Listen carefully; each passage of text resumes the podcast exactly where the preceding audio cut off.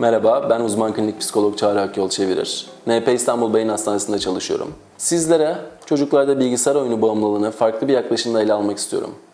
Bağımlılık, bir nesneye, kişiye ya da bir varlığa duyulan önlenemez istek veya bir başka iradenin tahakkümü altına girme durumu olarak da tanımlanır.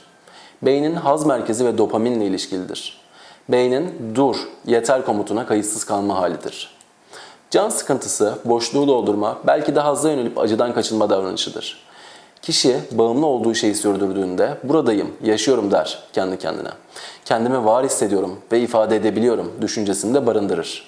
Zaman içerisinde haz mekanizması o alanla ile ilgili kısıtlanmaya başlar ve belki de başka alanlara olan ilgisini de kaybedecektir. Çocuk her oyun oynadığında beynin ödül merkezine dopamin salınır anlık veya kısa zaman aralığında iyi hissetme uzun zaman zarfında çocuğun aleyhine işleyecek bir yanılsamadır.